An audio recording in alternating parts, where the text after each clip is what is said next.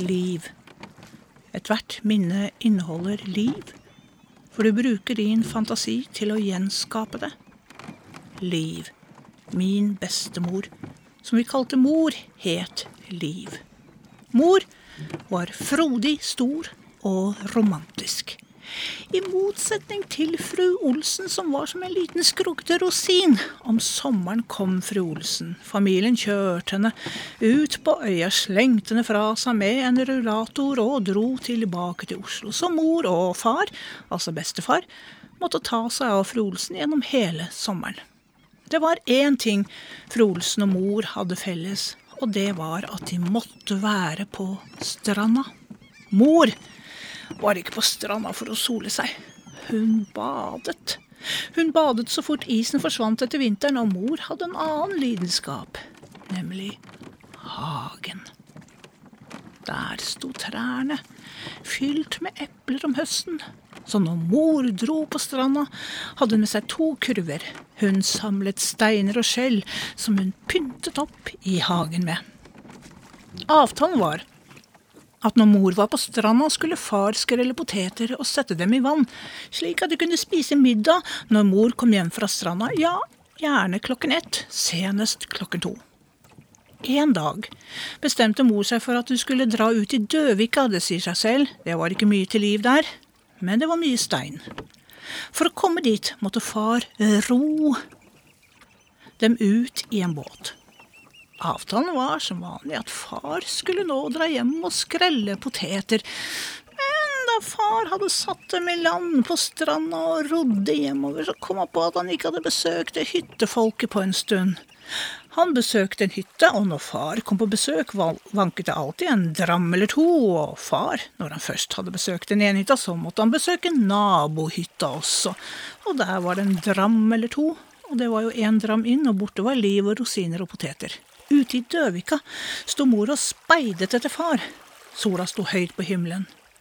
Men den beveget seg ubønnhørlig forbi middagstid. Mor hadde samlet steiner og skjell, og alt var klart. Men far var ikke å se. Rosinen satt på siden og hutret og skalv i frykt for at hun måtte overnatte der i Døvika den natta. Så fikk mor se. Der i horisonten. En enslig båt en sommergjest som var ute og rodde for å prøve fiskelykken. Mor handlet raskt. Hun grep sin truse, et firemannstelt, og høyet i lufta med det. Og han med båten, han fikk jo se at her var det jomfruer i nød, så han snudde båten og rodde alt det han maktet, og kom fram og så at det overhodet ikke var jomfruer i nød, men det var for sent å snu. Han hjalp fru Olsen og tok kurvene om bord i båten. Mor, hun klarte seg selv. Hun ba han sette seg ned, og så skjøv hun båten ut på vannet mens hun vasset, og så kastet hun seg ned i båten, så båten søkk, men fløt. Så var det for denne sommergjesten å ro, da. Mens mor spurte han ut i takt med åretakene hvem han var, og hva han drev med, om han var gift, og, og han var ungkar, han var en akademiker, han studerte de gamle historiene på originalspråket, ja, som kongesagaer òg. Var, var, det noen kvinner med? Ja da, det var da dronninger her også. Ja, men, men, men enslige kvinner? Akademikeren tenkte seg om. Ja, det var vel en eller annen Skjoldmøy, altså en kvinnelig kriger med.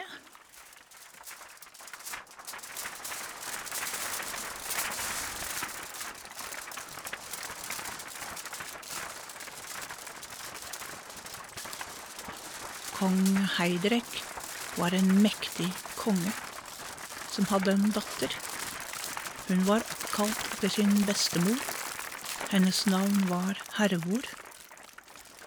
Da Hervor var barn, ble hun sendt til England. Der ble hun lært opp i krigskunst. Hun ble en skjoldmøy, en leiesoldat. Hun ledet sin egen hær. En dag da hun voktet en borg, fikk hun øye på en støvsky. Ut av støvskyen kom det galopperende hester. På dem satt det krigere som var dekket av arr. Arrene fortalte deres historier. Straks kalte Hervor på sin våpengutt og ba ham blåse i hornet for å samle hennes menn, for å samle hæren. Blåse i hornet. Heimdal blåste i jallarhornet tre ganger. Guden Heimdal, sønn av ni mødre, voktet regnbuebroen og så ut over hele verden. Det var han som var opphavet til de tre slektene slaver eller treller, bønder og konger. En dag blåste han i hornet tre ganger. Det betød at nå var den endelige krigen der. Nå skulle verden rase sammen. Nå skulle ni hjemmene knuses. De eneste som overlevde denne krigen, var liv og livtrase. Det er det bare én som husker. Det er en hund. Hun som husker alt, og som kan fortelle om det. Hun som er en gammel kvinne og hukommelsen til alle slekter. Det er Volven. Hervor snakket til sine menn, la opp en strategi, og så tok hun sin hær ut på stridsplassen og kjempet. Fiendens hær var langt større, men Hervor kjempet godt.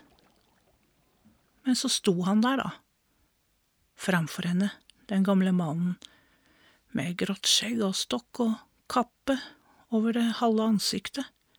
Han sto der med sin egen hær, hæren som bare består av kvinner, valkyrier.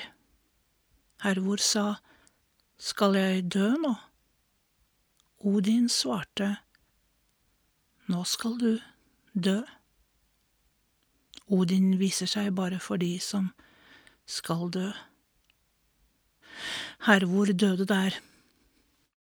Det er sagt at hennes forlovere var hærmennene, hennes brudgang var krigen, og hennes brudgom var døden. Da de nådde land, var de jo ikke hjemme. Nei, så denne stakkars sommergjesten, han måtte hjelpe dem hjem til gården, og vel framme på gården så spurte mora om han ville ha litt saft, og det sa han ja takk til. Det sa alltid vi nei takk til, for vi visste at den saften hadde stått i gjerdet i kjelleren en hel vinter. Gjæring er en kjemisk prosess som omdanner noe fra noe til noe annet, slik som øl. I middelalderen var øl regnet for å være en daglig drikk. Mjød var sterkere og kunne, ble kun brukt i gjestebud. Øl ble kalt for munngodt. Et minne er noe som blir omdannet til en fortelling. En fortelling er munngodt. Det ble ikke middag den dagen. Mor hun satte seg i hagen under et tre med steiner og skjell. Det hender at jeg sitter der, under treet blir en del av det hele.